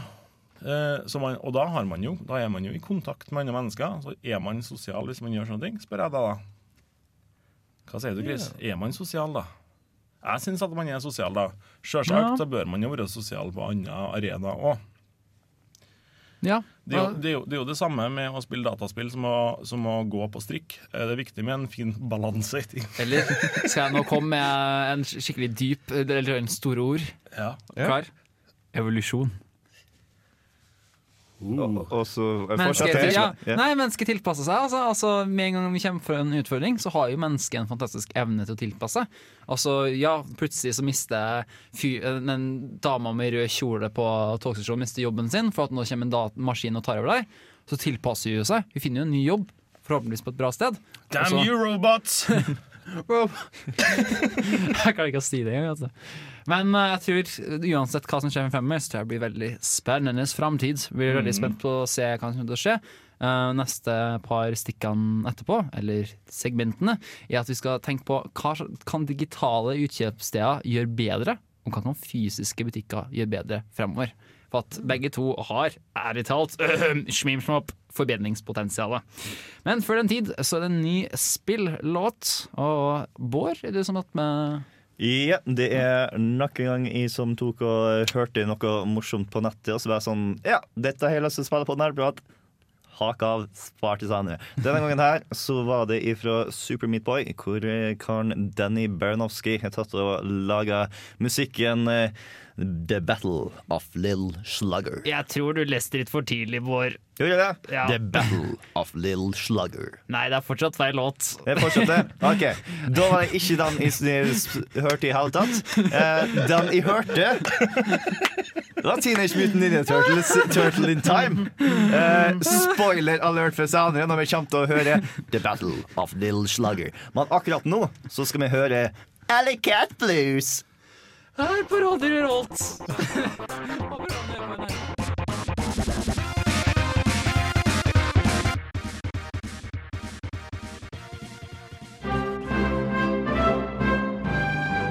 Hei, det her er Josten Pedersen på Radio Revolt. Radio Revolt, 12 points. 12 points til Boy som uh, klarte å annonsere Alley Cat Blues. Nei da, jo da, nei da. Eh, og vi går nå videre, og vi skal ta opp et av problemstillingene våre, eller spørsmålene, og det er jo hva kan digitale utkjøpssteder gjøre bedre fremover? For at de har en del forbedringspotensial. Og Anders hopper i været og er entusiastisk. Og Anders, hva tenker du nå? Jeg kan svare. jeg Kan svare, jeg kan, svare. kan det være kundeservice? Kan det det? Jeg tror det kan være det. Kan det? Ja. Men hvordan altså, kan det enkle steg som å ikke bruke Twitter og Facebook, eller hva Jo, men det, det var jo Hva sånn ønsker du liksom hvis du skulle ha klage til et etiktalt utsalg, utsalgssted? Bli hørt? For eksempel. Eh, det var jo det de sa, de jeg snakka med på Game, og de som har sendt meg meldinger i forbindelse med at jeg stilte et åpent spørsmål til Game. Mm. Hei, eh, hva, hva er grunnen til at du bruker dette istedenfor Steam? Og det var jo sånn, eh, Vi, vi syns jo at det er greit å komme en plass der folk har peiling og snakker direkte til oss. Mm. Uh, og vi, ja, Steam, da, for å trekke frem som et eksempel, prøver jo litt å snakke direkte til deg, men du får jo ikke den personlige greia som, som uh, Uh, som du får i butikken. Ja. Så, så hvis de har klart å lage en robot med følelser uh, som kunne snakka direkte til deg altså, det er en sånn ting de kunne ha forbedra seg på. Bli mer personlig.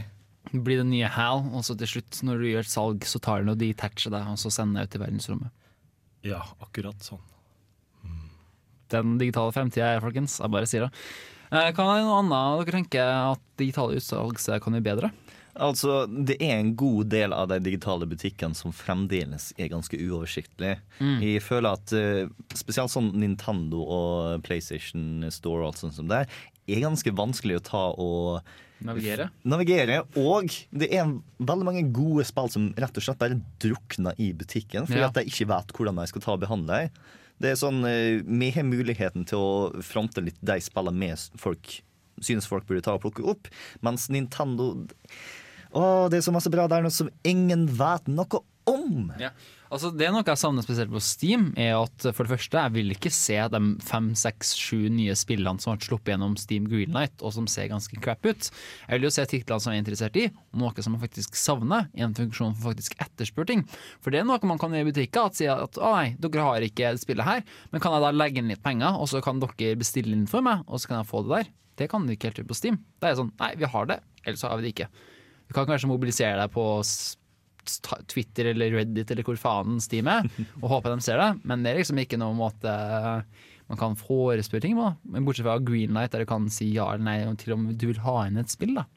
Og hvis man går bort Altså, eh, hvis man ser bort fra konsoll mot PC-folkene, som visstnok er en sånn stor krig, eh, så tenker jeg litt sånn i forhold til kundelojalitet, da. Vi ser jo at det er en del folk som er oppriktig lei seg og sånn når game legger ned nå. Eh, er det noen som ville ha blitt oppriktig lei seg hvis Origin, eksempel, Føler jeg at jeg spissa spørsmålet litt. Det var veldig spist. Jeg Men, altså, men jeg tenker i forhold til kundelojalitet, da, har de det på samme måten som en, som en fysisk butikk ville fått? Ikke på samme måten, nei, fordi at uh, de har ransom. Basically, hvis Origin har tatt og dødd, så var det en god del folk som Å, shit! Dragon Age 3 har jeg der! Nå er det borte. Ah. Eller at liksom problemet er at da blir på en måte Du tenker at du har den falske sikkerheten om at oi, den digitale butikken her, den har fortsatt kopien av spillet mitt. Den kan jeg laste ned når som helst. Men om du plutselig da drar på sommerferie og så kommer du tilbake, da, og så har de lagt ned, så sånn ah, OK, da har jeg ikke lastet ned det spillet. Faen, da er det borte for evig, liksom. Mm. Da var det plutselig mitt ansvar igjen likevel. Mens i butikk så er det litt sånn Her! Her er din fysiske kopi. Mister du den, vel, synd for deg. Da har du gjort noe feil. Eh, men du har den alltid tilgjengelig. Bortsett fra når det blir eh, nukleær apokalypse og alt sprenger og DVD-en går i stykker, men det er jo en annen sak. Og vi flytter under vann og har sendinger under vann om Ja. år. Som vi Ja, ja, ja. mm. I sugerør og Mm. Snorkel, kom an. Ikke la oss tøyse nå. Tøys? Torben? Jo, jeg tenker på en ting som fysiske butikker har. Nå er litt på samme greie, da. Er at uh, i fysiske butikker så har de ansatte som på en måte De har et slags ansvar, da. At eh, hvi- Hvis de bare sier noe crap til deg, eller hvis de ikke svarer deg, du bare snakker til dem, og så svarer de deg ikke, så er det veldig rart. De, de har på en måte en forplik- forpliktelse overfor deg til å svare og til å hjelpe deg og være behjelpelige. Men jeg føler ikke du har den samme forplikt forpliktelsen når det gjelder digitale butikker. Mm. Så at eh, Nettopp fordi at det er så upersonlig. Du har ikke Du kan ikke komme og chatte med en eh, Steam Steam-forbrukerrepresentant. Mm. Du kan ikke få videochat. Du, du, det er bare et stor vegg som uh, du kan, skal forholde deg til, versus uh, en hyggelig butikk med ansatte. Eh, eller eh, Schmimsmop, som prøver å selge game protection og spill til litt for høye kroner. Hva er egentlig game protection? Bare sånn, Jeg lurer på det. Eh, forsikring. Altså du, oh, ja. du Det du gjør, er at du betaler OK. Uh, stor revelation for alle som er ute her. Når du kjøper ting, så har du reklamasjonsrett på to til fem år. Men Den har du uansett, med mindre du klarer å miste CD-en i bakken og fucke den opp. Det eh, Game Protection spiller seg på, er at det gjør det her, pluss at hvis Det, det eneste gode delen med det er at hvis du klarer å miste den i bakken og knuse den, så får du et nytt spill, da. Eh, men, altså, du vet, hvis du riper den opp, som er ja. mer sannsynlig at du Ja. knuser den, så er det den på bakken. Ja, and that's the gist of it da Og problemet er at du må spørre alle sammen hver gang de kjøper noe, selv om du vet at de ikke skal det. For at du må få det står i kontrakten når du jobber hos Schmishmap. Mm. Men that's not the point. Men det skal vi faktisk komme tilbake til snart, for nå skal vi jo snart snakke om hvordan fysiske butikker kan gjøre seg mer attraktive. Game har gjort eh, et par trekk eh, tidligere, for, å, for at de var jo litt på tur ut. Men så skal vi litt tilbake igjen, for at de Ja. har klart å skifte strategi. Det skal vi snakke om litt senere. Men først, hvilken låt er det vi skal høre på vår? The Battle of Little Slugger.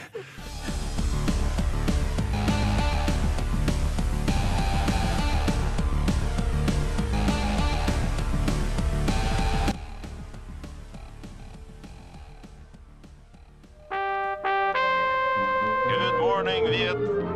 Trondheim.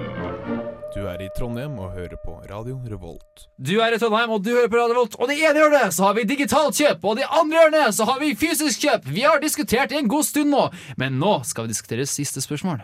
Og det er hvordan kan fysiske butikker gjøre seg mer attraktive? Hvordan kan de overleve, rett og slett? Ja, rett og slett overleve. Du, Bård, har jo allerede opplevd at en fysisk butikk har forandra litt salgsstatistikk. for Ja. Nei, for eh, vi var ganske rent eh, spillbutikk fram til to år siden, noe sånt. Eh, da vi tok og bytta eierskap. Da ble, gikk vi fra gamefranchisen til uh, Nordic Games, Man har beholdt fremdeles navnet. It's weird, vi trenger ikke gå inn på det. Men uh, det de innså, er at eh, hvis vi bare fokuserer på å være en nisjebutikk, Mm. så får vi veldig masse mer oppmerksomhet. For eksempel, nå tar vi i løpet av de neste en og en halv ukene som fremdeles eksisterer, så tar vi og selger blant annet sånn pop-vinyl-dukkefigurer som folk liker å samle på. Vi tar og selger amerikansk godteri og brus.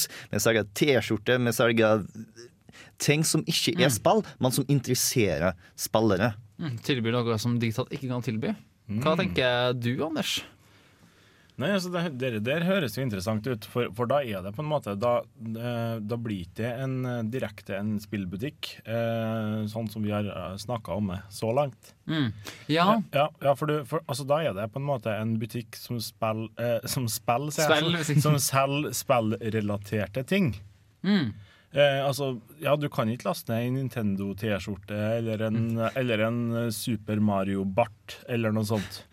Eh, og det gjør det jo mer attraktivt. Da har du jo alle. Da har alle en grunn som alle som vil ha en Super Mario Bart, en grunn til å dra til den butikken. Så et generelt tips, det er ikke bare game, men også generelt spill, spill- spillbutikker generelt. Det er kanskje å tilby rett og slett det ikke eh, online kan tilby. F.eks. å gjøre Collectors Edition mer attraktivt enn det det var før. Men det er kanskje ikke så mye spillbutikker som mye utviklere. Men Mm. fortsatt. Ja, men, ja, men sånn for eksempel, da. Det, det lages jo haugevis av spilleffekter. Mm. Eh, en kompis av meg har et sånt Minecraft-sverd hengende på, på Ja. veggen. Eh, Enn om man har solgt det ved sida av eh, spillene, f.eks. Altså, Ja. Her er vår, vår Minecraft-hylle, og her er Minecraft-sverdet du òg kan bli ditt hvis du vil. Wow. Tove? Ja, det er nettopp det som eh, Jeg tror det er en veldig god ting hvis spillbutikkene kan nettopp spille på sine fordeler som fysiske spillbutikker. Mm. At, at det rett og slett tilbyr oss det som vi ikke får på i digitale spillbutikker. Jeg tror det er rett og slett det man må gjøre.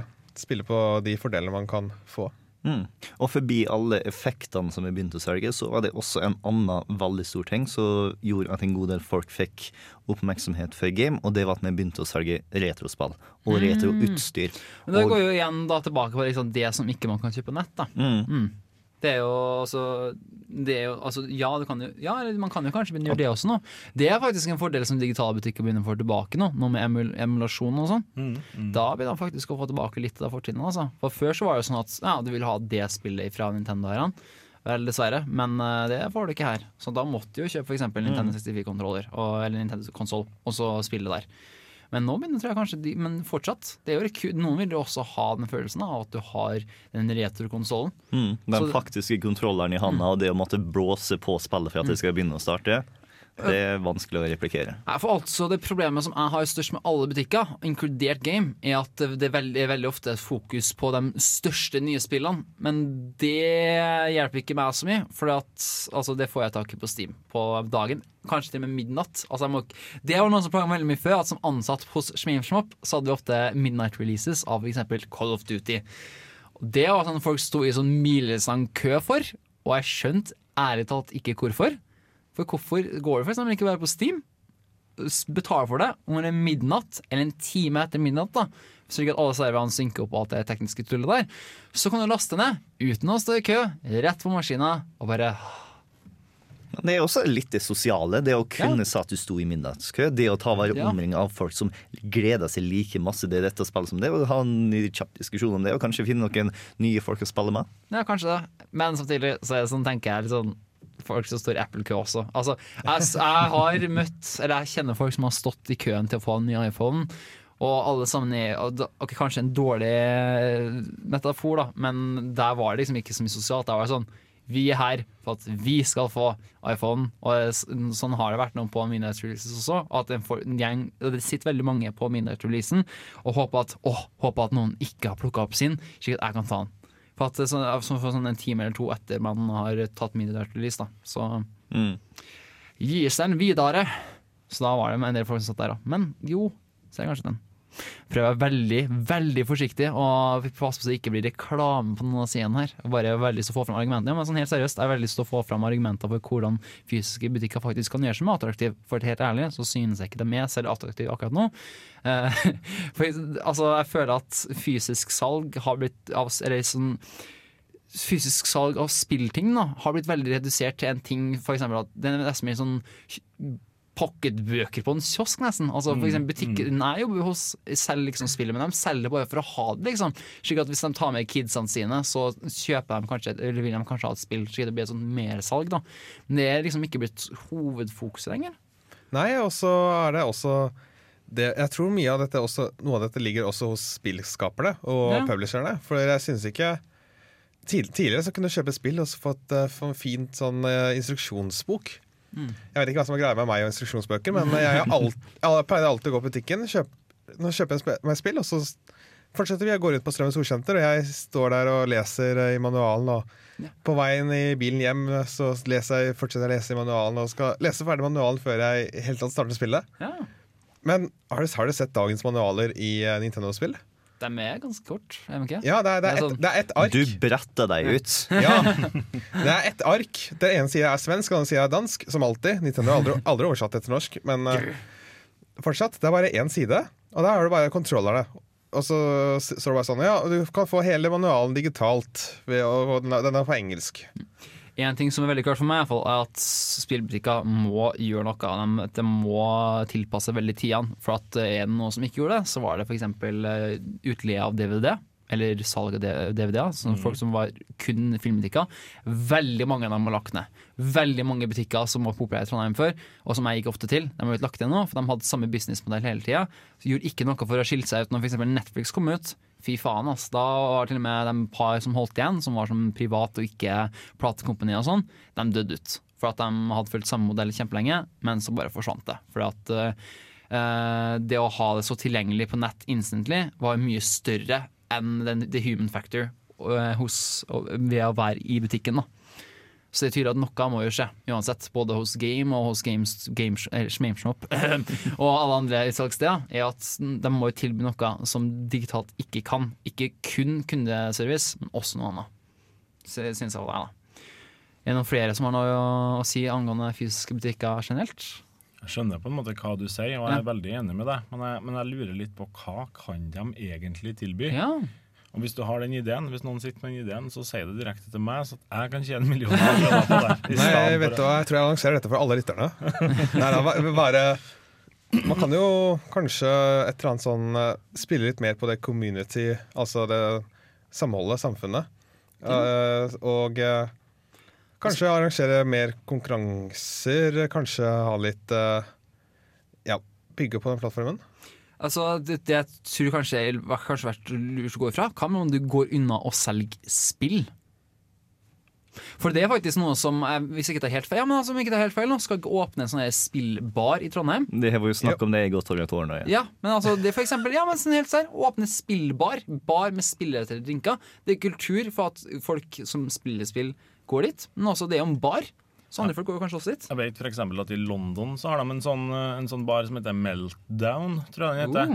Eh, Der de kjører altså de, har jo, altså de har jo sånn potion-drinker og sånne ting. Mm. Eh, pluss at det står en del PC-er rundt omkring, og, og at eh, og folk spiller på dem. Altså det er sånn, egentlig mer en sosial arena da, for, eh, for folk som har lyst til å spille spill. Mm. Viser litt e-sport på, på storskjerm og har Barcraft sant? I, tillegg til, i tillegg til at det er en bar. Så det blir bare en Altså Den samme tematikken egentlig, sånn som på, på spillbutikker, bare at det er flytta helt over til en annen arena. Ja. Nei, så Det blir spennende å se. For at uh, Hvis det blir den endelige spillbaren, hvis det skjer, så har det vært så kult å ha sending der. Herregud. Og gått dit generelt og kasta masse penger. Istedenfor å kaste penger på skjermen og vente på Metal Gear Solid 5, som aldri kommer ut! Eller det kommer ut 5. september, men du vet. Random rent over, iallfall. Jeg tror vi skal gå litt videre mot uh, avslutningen av denne sendinga. Men før den, uh, ny låt. Bård Jepp. Og Det er den som er markert grønt. Yes. Eh, det er vi Du hører på Fussy Clean. Det er en jingle av Rune Haakonsen. Ja. Nei? Nei, Ah, sorry, ass. Eh, Vi skal ta og høre på låten Gore fra Need for Speed 2. Ikke Need for Speed Hot Pursuit 2 eller noe sånt. Need for Speed faktisk nummer to. Spanende. Yes, det var en eh, låt som jeg fant tilfeldigvis på nett da jeg gikk gjennom en halvhemma videospillmusikk. Og den høres bare så røff og tøff ut at de måtte med.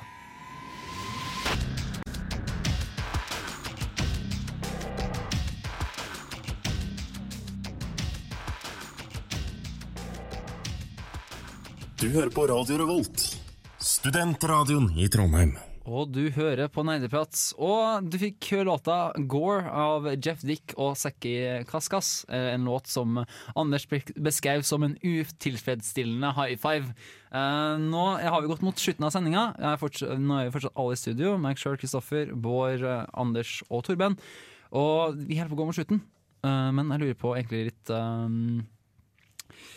eller, det- jeg, jeg lurer ikke på men jeg hadde lyst til å si at hvis det er noen av dere som har et annet community rundt f.eks. annen spillbutikk, eller har en nyhet om annen spillbutikk, eller sånn, for nå har jeg fokusert veldig mye på game i sendingen her, Men hvis du har en nyhet om en annen butikk, så er vi veldig glad for å eventuelt dekke det. Da sender du en mail til neid at radiorevolt.no, så tar vi veldig gjerne og tar en svipptur bort dit. Bård, der kom kommet deg. La oss gå tilbake og snakke om eh, game.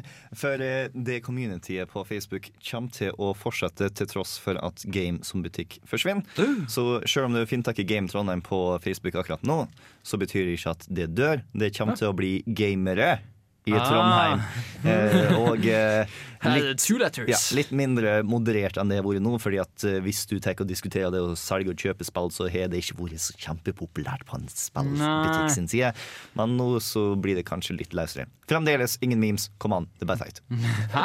Ingen memes? Ingen memes. Ingen memes? Get fucked, mates. Men I don't wanna live on this planet anymore. For å bleste litt oss selv. Eh, Så det hadde jeg sett at Nå har vi snakka veldig om butikker i sendinga her. Ja. Men noe vi også sett veldig mye av butikker av, er jo i Cella 1. Der eh, i eh, tirsdagens episode så skulle vi prøve å finne oss frem til Tempel 2.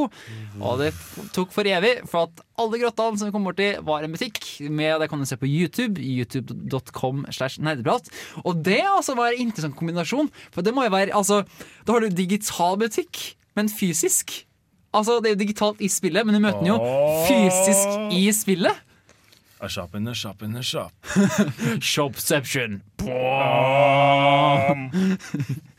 Men eh, det er egentlig det jeg hadde på sendinga her. Men neste sending Neste sending så kommer vi i Radio Revolt til å ha en litt sånn tverrprogramlig eh, samarbeid, med kultur i hvert fall. fordi at da skal vi ta og snakke om fremstillingen av maskulinitet. Eh, Bokbæren kommer til på tirsdagen å fortelle oss om fremstillingen av maskulinitet i litteratur.